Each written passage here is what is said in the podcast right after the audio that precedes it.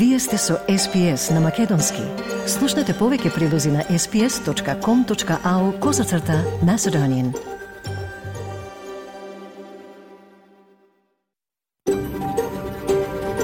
SBS, a world of difference. You're with SBS Macedonian on mobile, online, and on radio. Вие сте со SPS на Македонски на мобилен, преку интернет и на радио.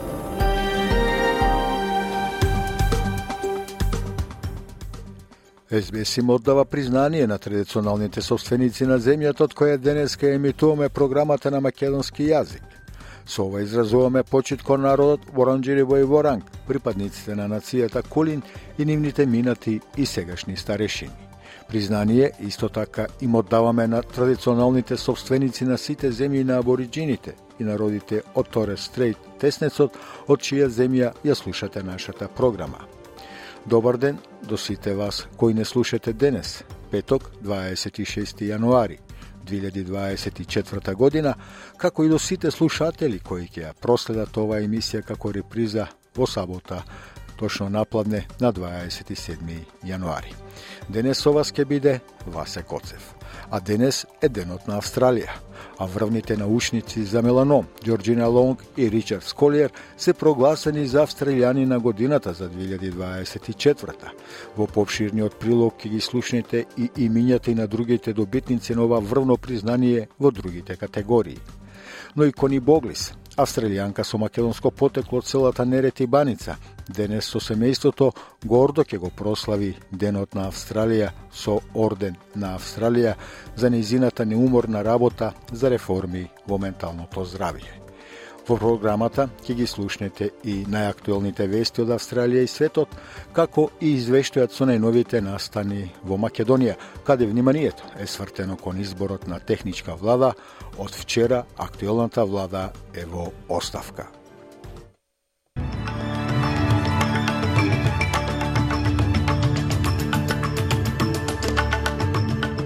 Во продолжение и најновите вести, а од денешниот билтен вести издвојуваме. Двајца професори по медицина прогласени за коавстралици на годината. Соединетите Американски држави го осудуваат Израел за акциите во Газа. Македонскиот премиер Димитар Ковачевски поднесе оставка со што започна процедурата за избор на техничката влада. И во женска конкуренција во финалето на Австралија Open, тенискиот турнир, ќе играат Сабаленка и Женк. Слушајте не.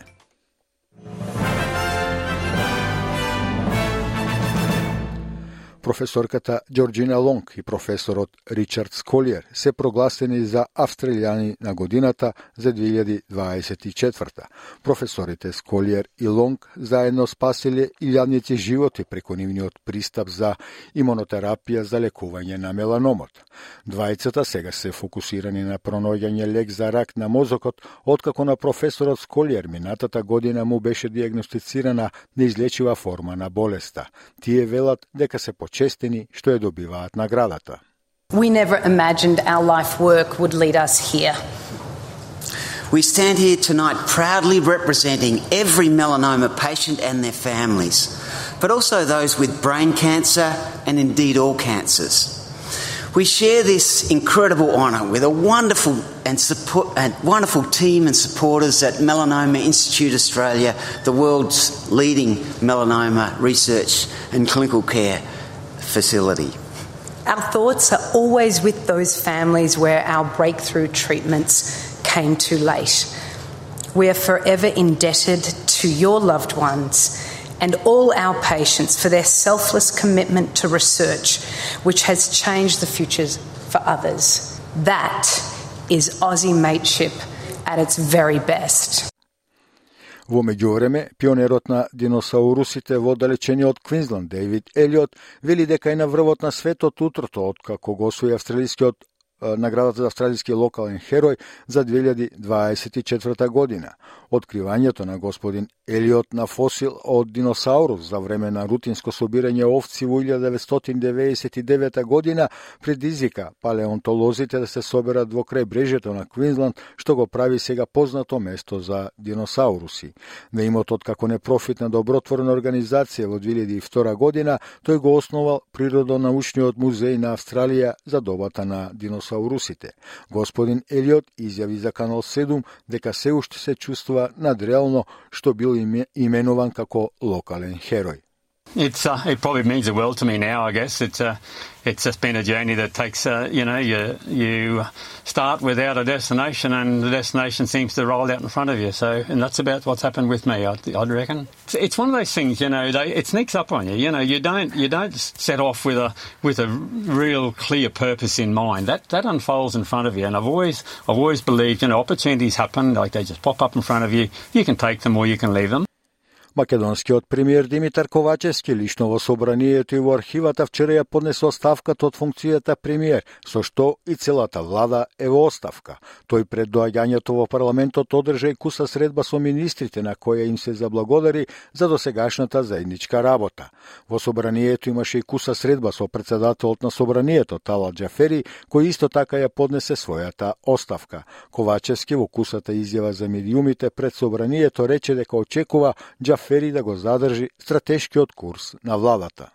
Веројатно стилот ќе биде различен, меѓутоа државата секако дека ќе задржи својот стратешки правец, а тоа е западната ориентација, стратешкото партнерство со Соединените Американски држави и техничката влада исто ќе се грижи за граѓаните, бидејќи се уште сме во криза, така како што ние тоа го правевме во изминатите две години. Ова е нешто што е предвидено според закон. На 9 мај повторно владата ќе ја предводам јас и ова парламентарно мнозинство кое што ќе обезбеди полноправно членство на Република Северна Македонија во Европската Унија до 2030 година а официјален представник на Обединетите нации опиша ситуацијата во Газа како, цитирам, трагична, затворен цитат, по посетата на регионот на 25 јануари.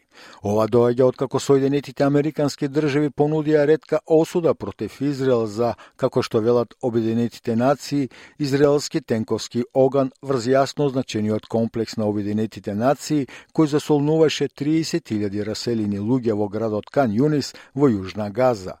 Обединетите нации велат дека во нападот загинале најмалку 9 лица, а 75 други се ранети, но Израел негираше дека неговите сили се одговорни и сугерираше дека Хамас може би е виновен. Според палестинските здравствени власти, бројот на загинати од израелското воздушно бомбардирање и инвазијата на Газа се искачи на 25.700 лица, а се страува дека илјадници други се водат за исчезнати во урнатините. Областа на границата со Египет е преполна со повеќе од половина од 2,3 милиони жители на појасот Газа, раселени поради борбите меѓу израелските сили и Хамас. Хуманитарниот координатор на Обединетите нации за палестинската територија, Джеймс Макголдрик, опишува изгубено чувство на надеж за оние кои остануваат таму. The visit yesterday in, uh, in Kerem Shalom and in Rafah itself was actually quite tragic because you see yourself that uh, we are struggling to catch up with the massive numbers there. We're struggling to basic services. The people themselves are really struggling to get through this. And there's a, the shock is actually starting to wane now and people start to see themselves a resignation that this is, this is what they're going to have to face for some significant time. Одлуката на федералната влада да ги стави на пауза апликациите за виза за значајни инвеститори или така наречени златни визи беше поздравен од Transparency International Австралија и научник за имиграцијска политика. За визата беше потребна минимум инвестиција од 5 милиони долари во Австралија во замена за автоматски постојан престој. За разлика од другите визи, од имателите на инвеститорската виза не се бараше да учат или да зборуваат англиски јазик и немаше старосна граница. Абул Ризви е поранешен заменик секретар на одделот за имиграција, кој сега е научник за имиграцијска политика. Тој за СБС изјави дека тоа е мудра одлука да се оддалечи визата. In my view, the best thing to do with this investor visa would be to abolish it and find a way of dealing with the backlog of applications. The backlog's very large. I think the government should return this visa to one which encourages people to invest in new and innovative businesses in Australia, employ Australians, and run those businesses successfully. They are the people this visa should be targeting. Комисијата за продуктивност во 2016 година препорача визите да се укинат поради загриженоста за лошите резултати и враќањето на резултатите. Во октомври минатата година, прегледот на поранешниот главен комесар на полицијата во Викторија, Кристин Никсон, покажа дека австралискиот визен систем бил искористен од, цитирам, криминални синдикати, вклучени во различни сериозни криминални престапи и активности за профит, затворен цитат. Индискиот премиер Нарендра Моди отвори контраверзен хинду храм изграден на урнатините на историска џамија во северниот град Ајодја изграден со процената цена од 329 милиони австралиски долари. Храмот Рам е централен за хиндусите кои веруваат дека Рам е роден на точното место каде што муслиманите могал ја изградиле джемијата Бабри во 60 век на врвот на урнатините на храмот. Джемијата беше урната од хинду толпи во декември 1992 година, предизвикувајќи немири во кои загинаа повеќе од 2000 луѓе. Нилијан Мукопадај е истражувач на хинду национализмот и автор на книга за господин Моди. Тој вели дека Нарендра Моди се надева дека храмот ќе го катапултира до рекорден трет последователен мандат на предстојните избори. What is being done in Ayodhya, the kind of scale at which it is being built at the moment, being developed, is actually uh, going to make it like the Hindu Vatican, and that is what is going to be publicized. Modi is not going to lose a single opportunity to try to sell the accomplishment of having built a temple. А населението во Австралија надмина 27 милиони луѓе додека бројот на раѓања имигрантите кои пристигнуваат во Австралија се побројни од смртните случаи имигрантите кои заминуваат. Заводот за статистика го одбележа моментот велејќи дека популацијата расте за едно лице на секои 50 секунди. Населението на Австралија порасна за 2,4% минатата година до околу 624 1.000 луѓе.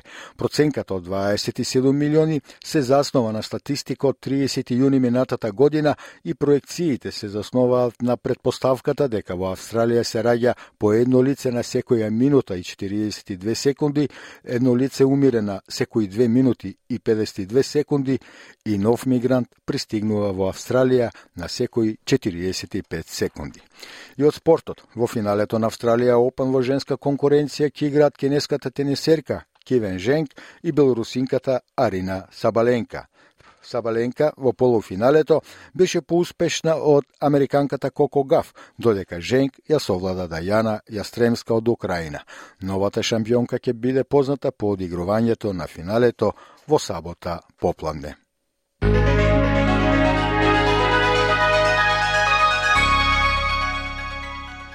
А од најновата курсна листа денес ден Австралијски долар се менува за 0,60 евра, 0,65 американски долари и 36,98 македонски денари, додека 1 американски долар се менува за 56,14 македонски денари, а 1 евро за 61,10 македонски денари. И временската прогноза за поголемите градови во Австралија утре за сабота за 27 јануари. Перт, сончево со температура до 33 степени, Аделајд делумно облачно до 23, Мелбур на облачување до 23, Хобарт слаби повремени врнежи и ветровито до 20, Камбера делумно облачно до 28 степени, Сиднеј облачно до 27. Бризбен можни врнежи со температура до 37 степени, Дарвин можна бура до 30 и во Алис Спрингс ќе биде сончево со температура до 38 степени.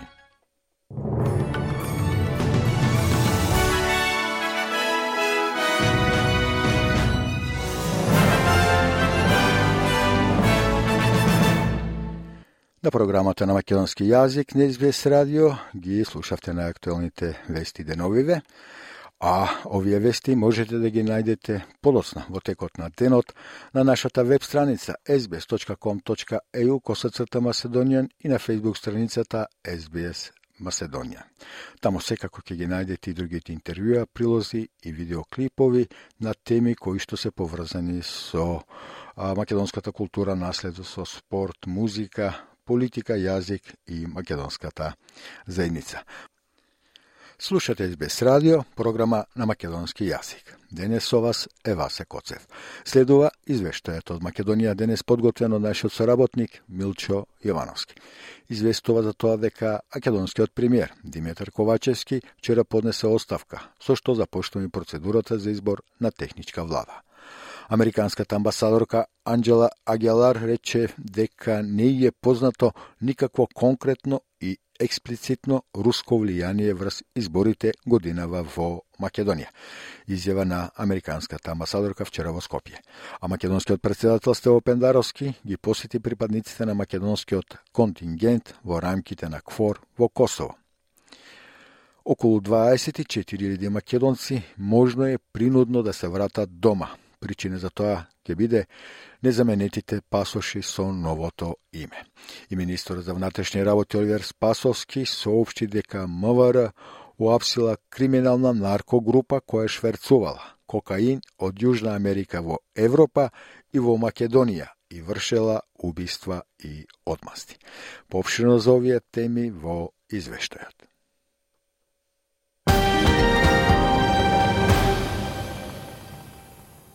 Димитар Ковачевски лично отиде во собранието и во архивата ја поднесе оставката од функцијата премиер, со што и целата влада е во оставка.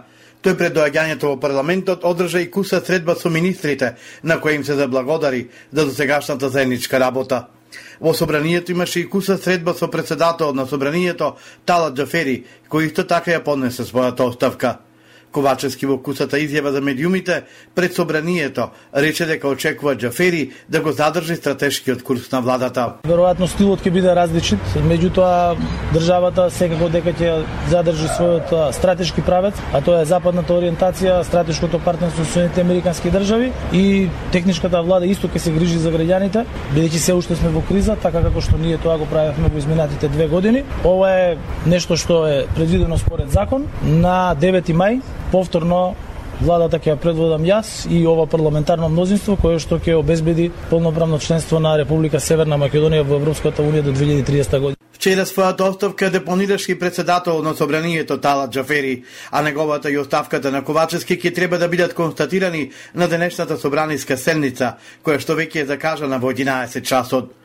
Тој од понеделник ја презема улогата технички премиер, 100 дена пред одржувањето на изборите.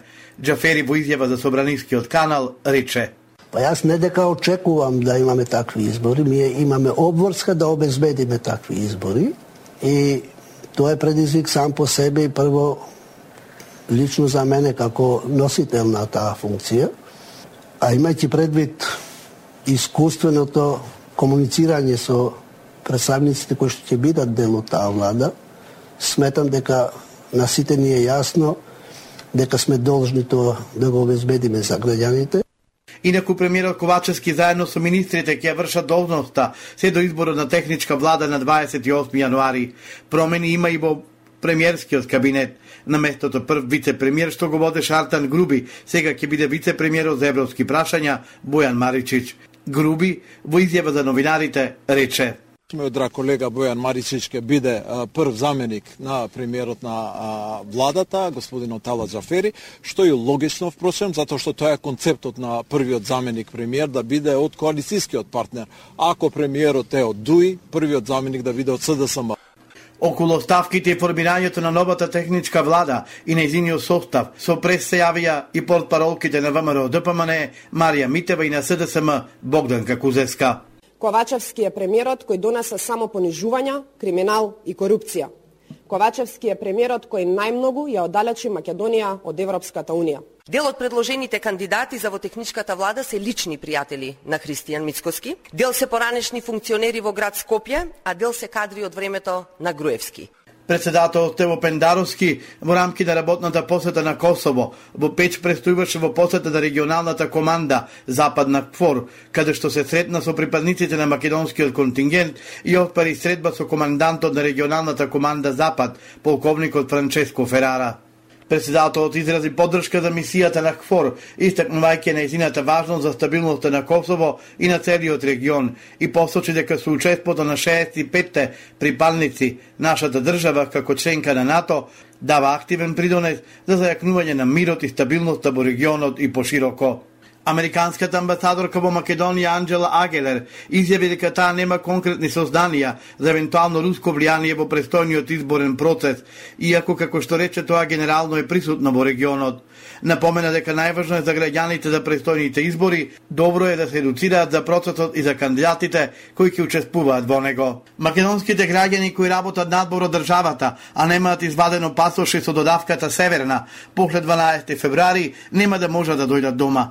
Агенциите кои вршат посредување за работа во странство се соочуваат со голем проблем, бидејќи немаат конкретен одговор за работниците, нивната судбина останува неизвестна. Вели собственикот на фирмата Коузон Зоран Кочовски во изјава за Телма. Дали треба да ги прекинат нивните работни договори да се вратат веднаш во Македонија или ќе можат да патуваат после 12 февруари? Верувајте дека е екстремно сложен процес ако тие пасоши бидат прогласени за невалидни и сите тие лица кои според некои наши проценки се над 24.000 ќе треба да се вратат во Македонија до 12 февруари или да ги прекинат нивните работни договори и работен престој во странство на нивна штета. Тоа ќе направи материјална штета која ќе се граничи со милиони евра.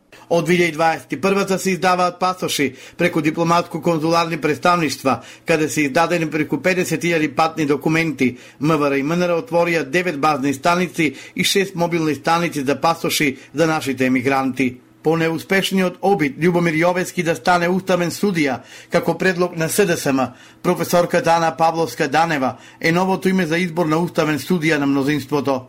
Опозицијата остро реагира додека владата подесува оставка. Пратениците на коалицијата СДСМ и ДУИ се обидува на брзина да избере нов уставен судија. Професорката Павловска Данева за сите изјави дека е рано за било какви ставови пред изборот, но е децидна дека предлогот за уставен судија е чест за секој правник. По повеќе од една година чекање и 25 обиди, Јовески како кандидат од мнозинството да биде избран за уставен судија, од СДСМ го повлекува неговото име од процедура. Јовески реагираше дека ваквата одлука на претенитите без да го консултираат, е вулгарна. Седницата е прекината додека не бидат создадени услови за продолжение. Криминална група набувала кокаин од Латинска Америка вршила и убиства во Скопје. Ова го соопшти министерот за внатрешни работи Оливер Спасовски. Под раководство на обвинителството лишени со слобода лица за кои постои сомнение дека биле инволвирани во набавка на кокаин и вршење на тешки кривични дела убиства. Повеќе месечната истрага придонесе се обезберат доволно докази против пријавениот ШМ 47 години од цело Грчет, кој заедно со сега починатите ОБ и ЈК организирале криминална група. Била формирана со цел вршење убиства од користољубие, изјави на пресминистерот за внатрешни Оливер Спасовски. Организираната криминална група била формирана со цел вршење на кривични дела убиство од безобзирна одмазда и по порачка од користољубие, при што лицата, организатори на истата, донесувале одлуки, создавале планови за тоа кој, кога, каде и на кој начин да биде лишен од живот, а своите одлуки и планови ги спроведувале лично или преку припадници на организираната криминална група кои ги прифаќале и спроведувале. Од досега спроведените мерки е документирано дека оваа група организирала две набавки на кокаин до земјите од ЕУ и Македонија. 435 килограми кокаин набавен од Бразил бил транспортиран до пристаништето во Антверпен, Белгија. Групата организирала и неколку транспорти на дрога од Белгија и Албанија во Македонија. Припадниците на оваа група се стекнале со значителни финансиски средства кои ги инвестирале во луксузни куќи, угостителски објекти кои се предмет на конфискација.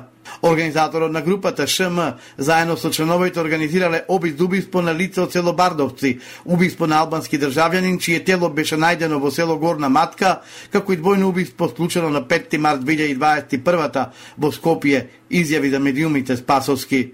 Инаку дел од наведената количина дрога требало да заврши на пазарот во Македонија.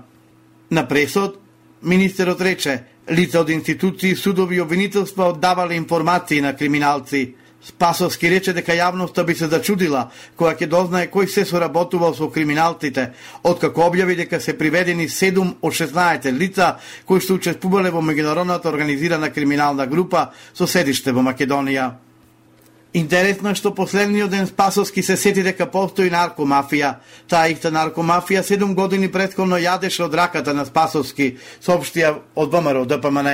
Но тој не кажува и дека прво осомничениот наркомафијата, која тргувала дрога од Латинска Америка, Шевер, е другар и пријател на новиот технички премиер Талат Джафери, коментираат од ВМРО ДПМН. Падна пресуда за несреќата кај Ласкарци. Казна од 14 години затвор доби возачот Мануил Јаковлевски, кој на комниот ден го возел автобусот за Ласкарци, иако знаел дека уредот за мерење на брзината е расипан. Возел со повисока брзина од 99 км на час, иако дозволената брзина била 80 км на час собственикот на Дурмо Турс Дурмиш Белули ќе лежи казна затвор од 4 години. Ремзи Бифтари вработен во неговата компанија доби казна од 6 години, додека Игор Ѓоргиевски, Горан Дуковски и Јане Бобаровски имаат по 5 години затвор.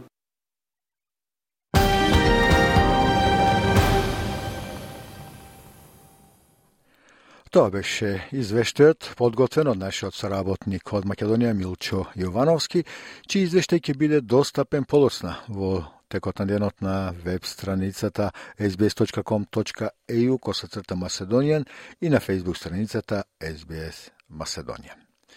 Слушате SBS радио, програма на македонски јазик. Денес со вас е Васе Коцев. Продолжуваме со нашите подготвени прилози. Имено врвните експерти за меланом, Джорджина Лонг и Ричард Сколиер, се прогласени за австралици на годината за 2024 година на церемонија во Камбера.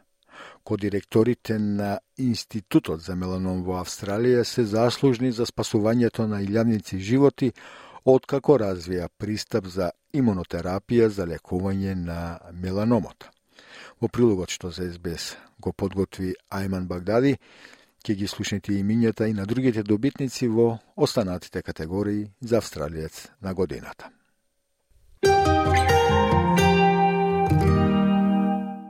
Прајминистерот ги прогласи австралијците на годината за 2024 на церемонија во Националниот арборетум во Камбера – Господин Албанези вели дека Денот на Австралија е значаен ден за размислување за сите австралици, додавајќи дека Националниот ден е нашата шанса да направиме многу повеќе отколку едноставно да ги броиме нашите благослови, подеми и падови на нашата историја, предизвиците со кои се соочуваме заедно, можностите што ги искористуваме заедно, тестовите што ги поминуваме заедно и заедно гледаме кон иднината. Our National Day is our chance to do so much more than simply count our blessings.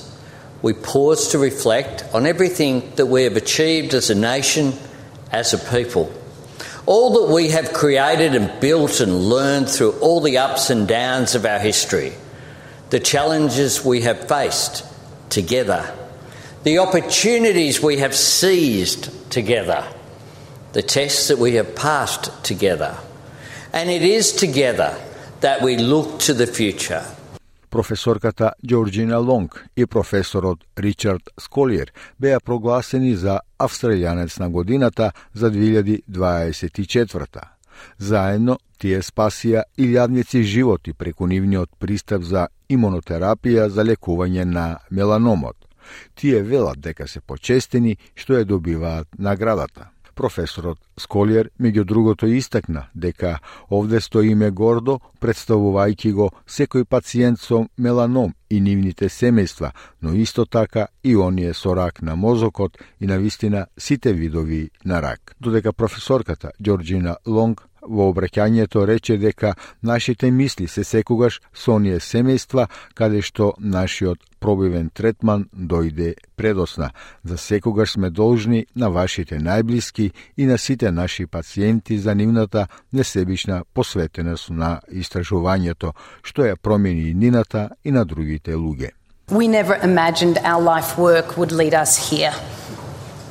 We stand here tonight proudly representing every melanoma patient and their families, but also those with brain cancer and indeed all cancers. We share this incredible honour with a wonderful and, support, wonderful team and supporters at Melanoma Institute Australia, the world's leading melanoma research and clinical care facility. Our thoughts are always with those families where our breakthrough treatments came too late.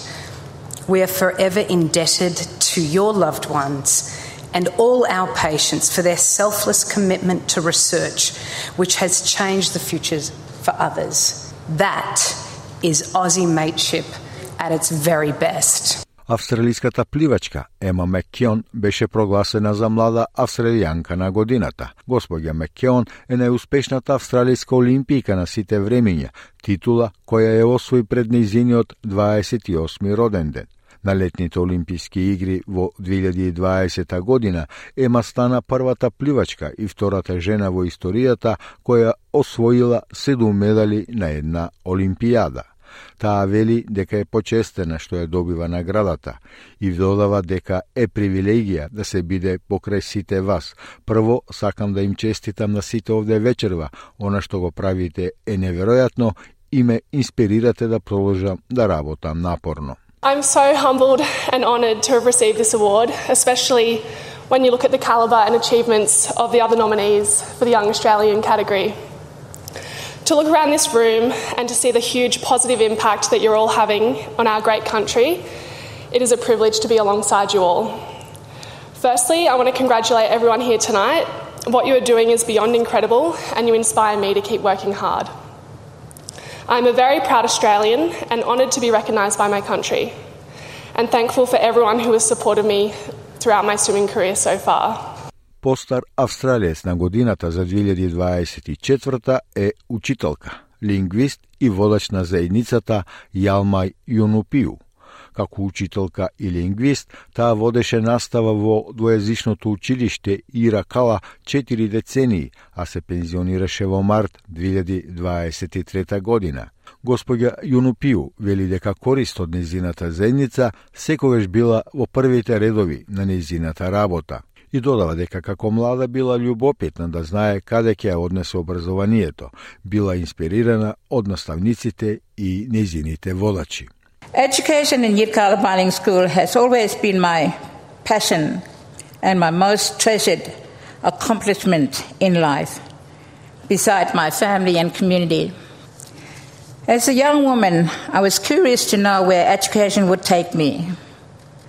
I was inspired by teachers and, and my leaders. But all those years, I never expected that I was going to become a teacher linguist. I worked at Yirkala Bilingual School, teaching younger children for over 40 years. Through this, I became a teacher specialist in both worlds to benefit my people and community. Дейвид Елиот е прогласен за австралијски локален херој за 2024 година. Откривањето на господин Елиот на фосил од диносаурус за време на рутинско собирање овци во 1999 година предизвика палеонтолозите да се соберат во крајбрежјето на Квинсланд, што го прави сега познато место за диносауруси.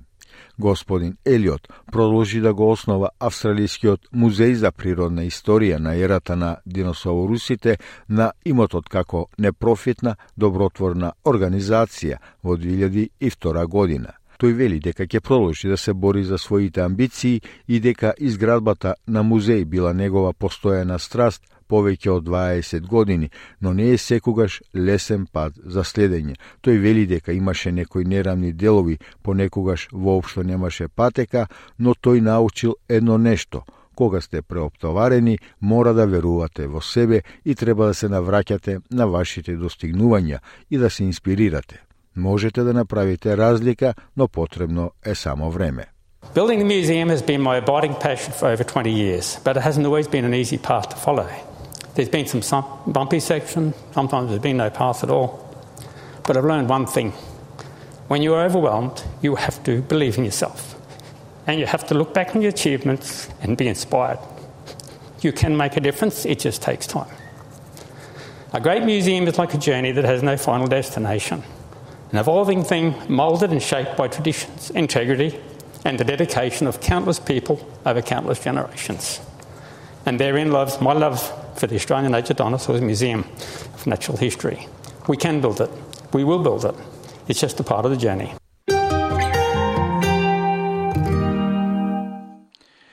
Ете, го слушнавте прилогот за Поповот Австралија Дей и доделувањето на наградите за австралици на годината кои ја добија врвните експерти, пионери, експерти за меланом, Джорджина Лонг и Ричард Сколер, но воедно ги слушнавте имињата и на останатите добитници.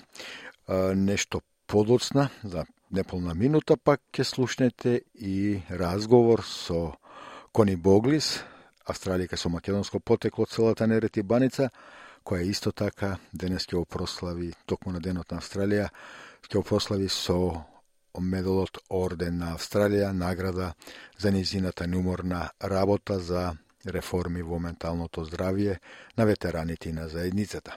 Но пред да го слушнете и тој разговор, да ви информирам дека а, традиционалниот национален македонски питник, кој требаше да се одржи во недела на 28 јануари во манастирот во Кинглеј во близина на Мелмурн, е одложен од оправдани причини на неодредено време, зашто ќе има ново известување и стои во известувањето од управата на Македонската православна општина за Мелбурн и Викторија, која во исто време се извинува за тоа што овој пикник кој треба да се одржи во недела е одложен.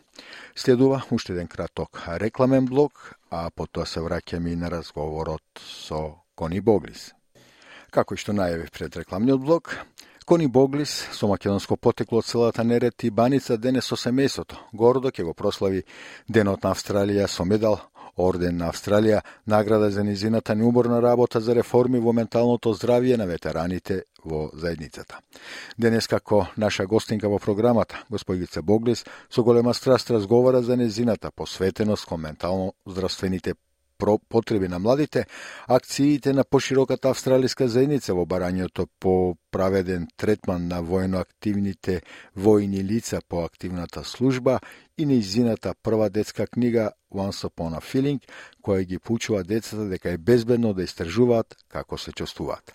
Со господица Кони Боглис разговараше вчера колешката Маргарита Василева.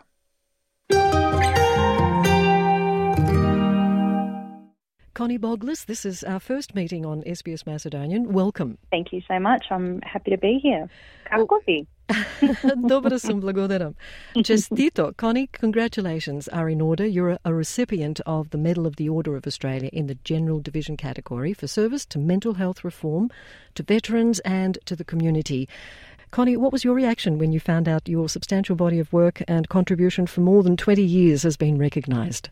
Oh, absolute shock. Um, I, I don't think you ever go into this field wanting to help people thinking you get something out of it. So it was an absolute honour to um, receive that call. I actually started crying and I asked, asked the lady at the Governor General's department if she had the right person. I had to ask why. Can you tell us more about your professional background and your qualifications that uh, have led to active involvement in veteran advocacy, membership on various committees, uh, the Australian Labor Party, the health sector, youth programs, and the Centre for Multicultural Youth, the Parliament of Victoria, mental health, a host of other activities, as well as being the author of a children's book, Once Upon a Feeling. Thank you. Um, gosh, I, I feel like I'm so old after that.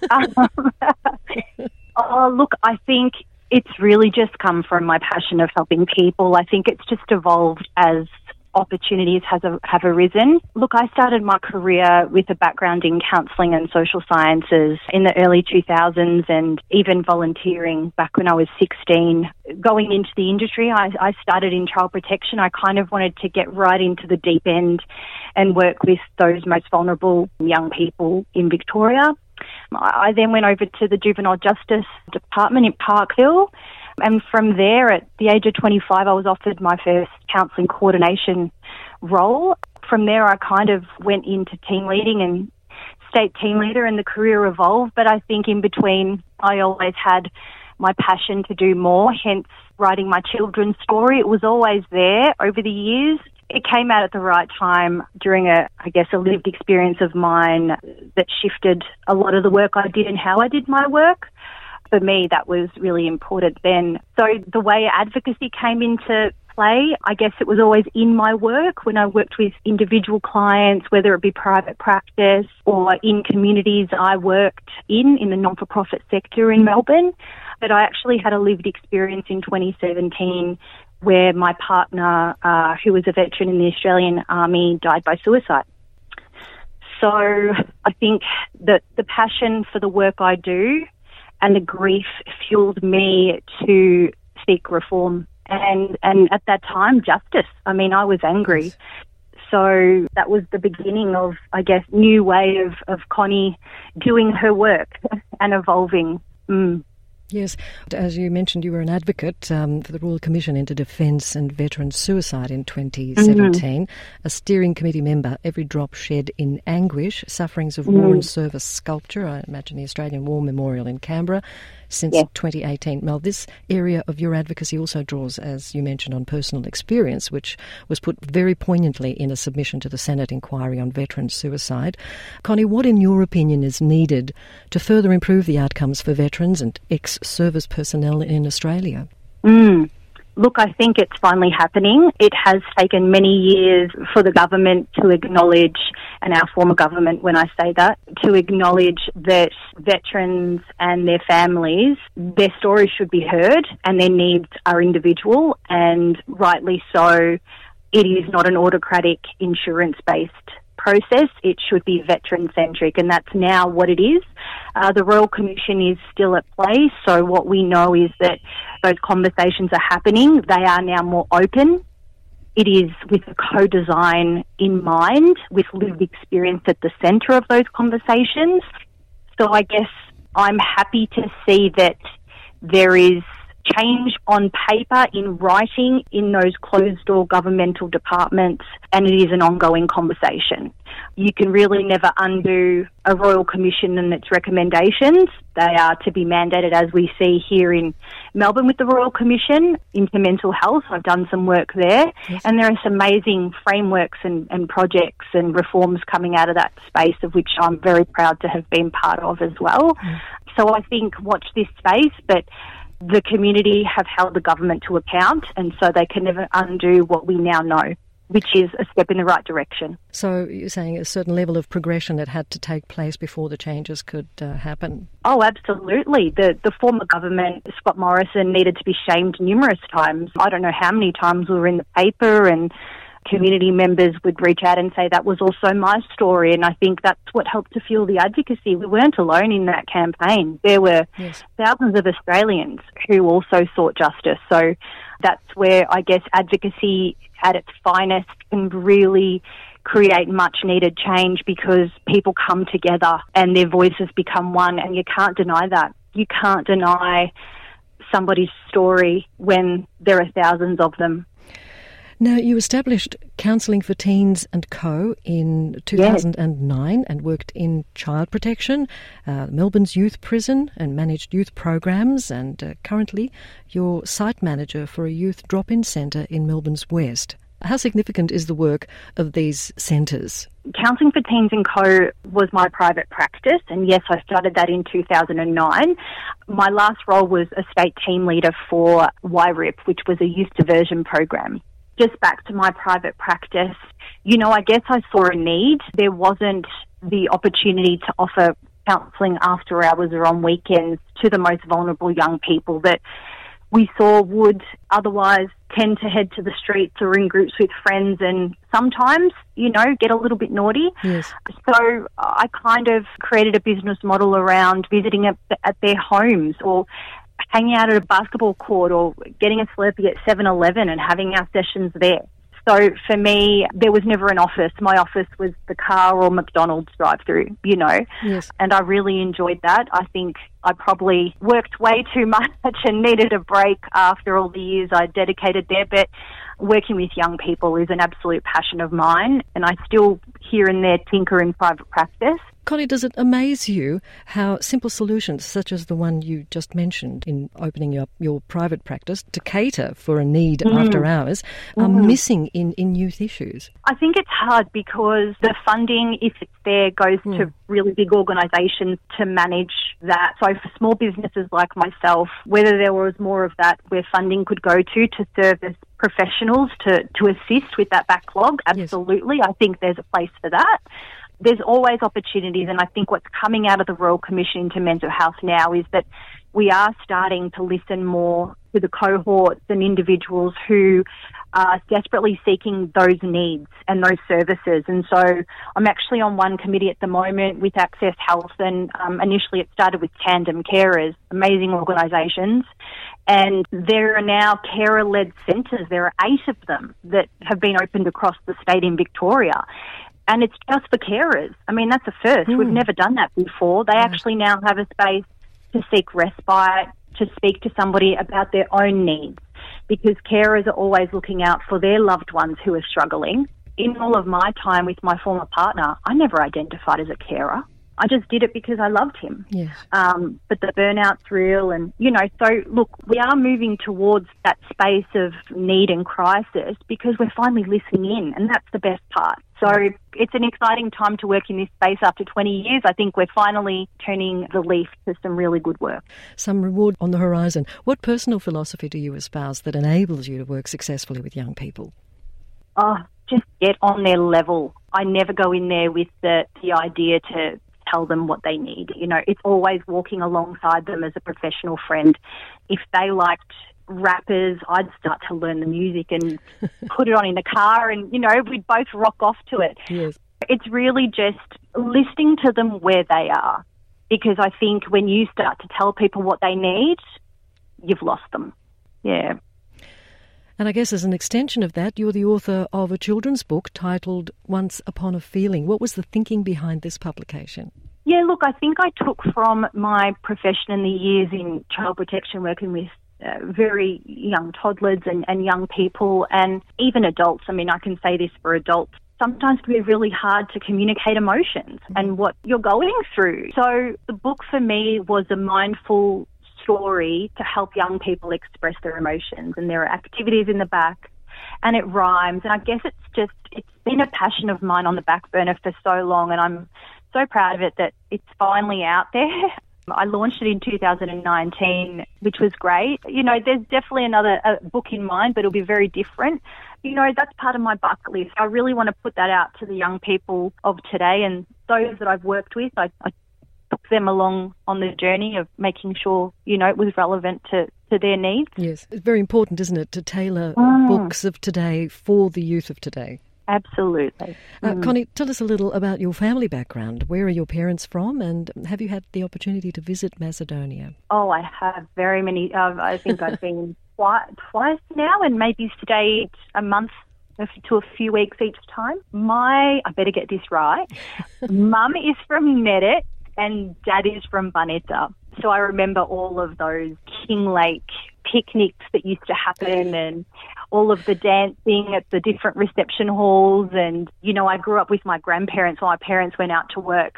I spoke Macedonian before I spoke English in primary school, actually. They had to put me in a class to learn English. Uh, I was so fluent, but these days you wouldn't want to try to have too deep of a conversation with me. I might, I might tell you, you know, say pork crackle over kidneys or something. Um, Uh, would you like to say a few words in Macedonian and, and tell us what the most rewarding aspect of uh, your work is in, in all the areas you've participated in? Oh God, give you a bit I of a wouldn't. test? I would. I wouldn't want to embarrass myself in front of my community. My grandparents in heaven would be laughing out loud though if I did try. I will tell you a funny story though. When my grandmother was in hospital, the doctor came through and just went over her body and said, Does it hurt here? Does it hurt there? Does it hurt there? And she had early stages dementia at the ah, time. So, you know, sometimes she'd give you a bit of a funny look. Anyway, I thought I translated quite well. My parents came to take over the shift a few hours later. Yes. The doctor returned and asked the same questions. And my parents looked at me and went, Connie, that's really good. Like, you're translating quite good. All of a sudden, the doctor again asked my grandmother in that area of her body, I think it was her kidneys. I said something else completely, and it meant pork crackle. My parents laughed. My grandmother said, "Don't be very bear," and and we're in absolute hysterics. And here I am thinking it's my poor grandmother's dementia. No, it's me telling her, "How's your pork crackle?" So, so that's how good my Macedonian is. Uh, you had to be there, right? It- you absolutely had to be there. Yes, yes. Well, lastly, and totally unrelated to that incident, on Australia Day, Connie, what's your Mhm. view on the 26th of January? Should the date be changed? Oh, look, absolutely. You know, tomorrow might want to comes out, but it's it's not about me or the award. You know, sovereignty was never ceded. It is a day for Aboriginal and Indigenous Australians to be acknowledged for what has happened to them. And I think we have a lot of work in the space of reform and acknowledging reconciliation in Australia. Drinking and partying, that's not what it's about. They deserve the day. They deserve more support around what is happening in this space. And, and, and sadly, I was very, very, very um, saddened to see what happened on Yes Voting Day. We have much to do in this space for them because this is our home and we are visitors here. You know, that's how I see it. Connie Boglis, it's been a pleasure chatting with you on SBS Macedonian, and once again, congratulations on the Medal of the Order of Australia. It's not hard to see why you were nominated. No, absolute pleasure. Thank you for taking the time to speak with me.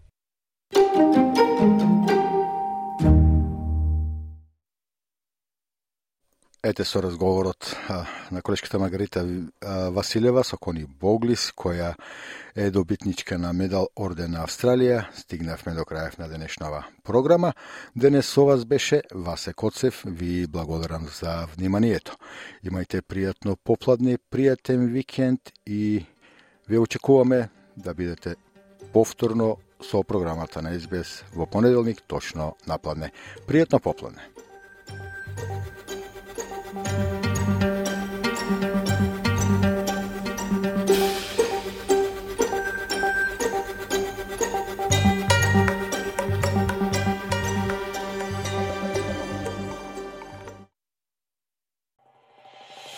Сакате ли да чуете повеќе прилози како овој?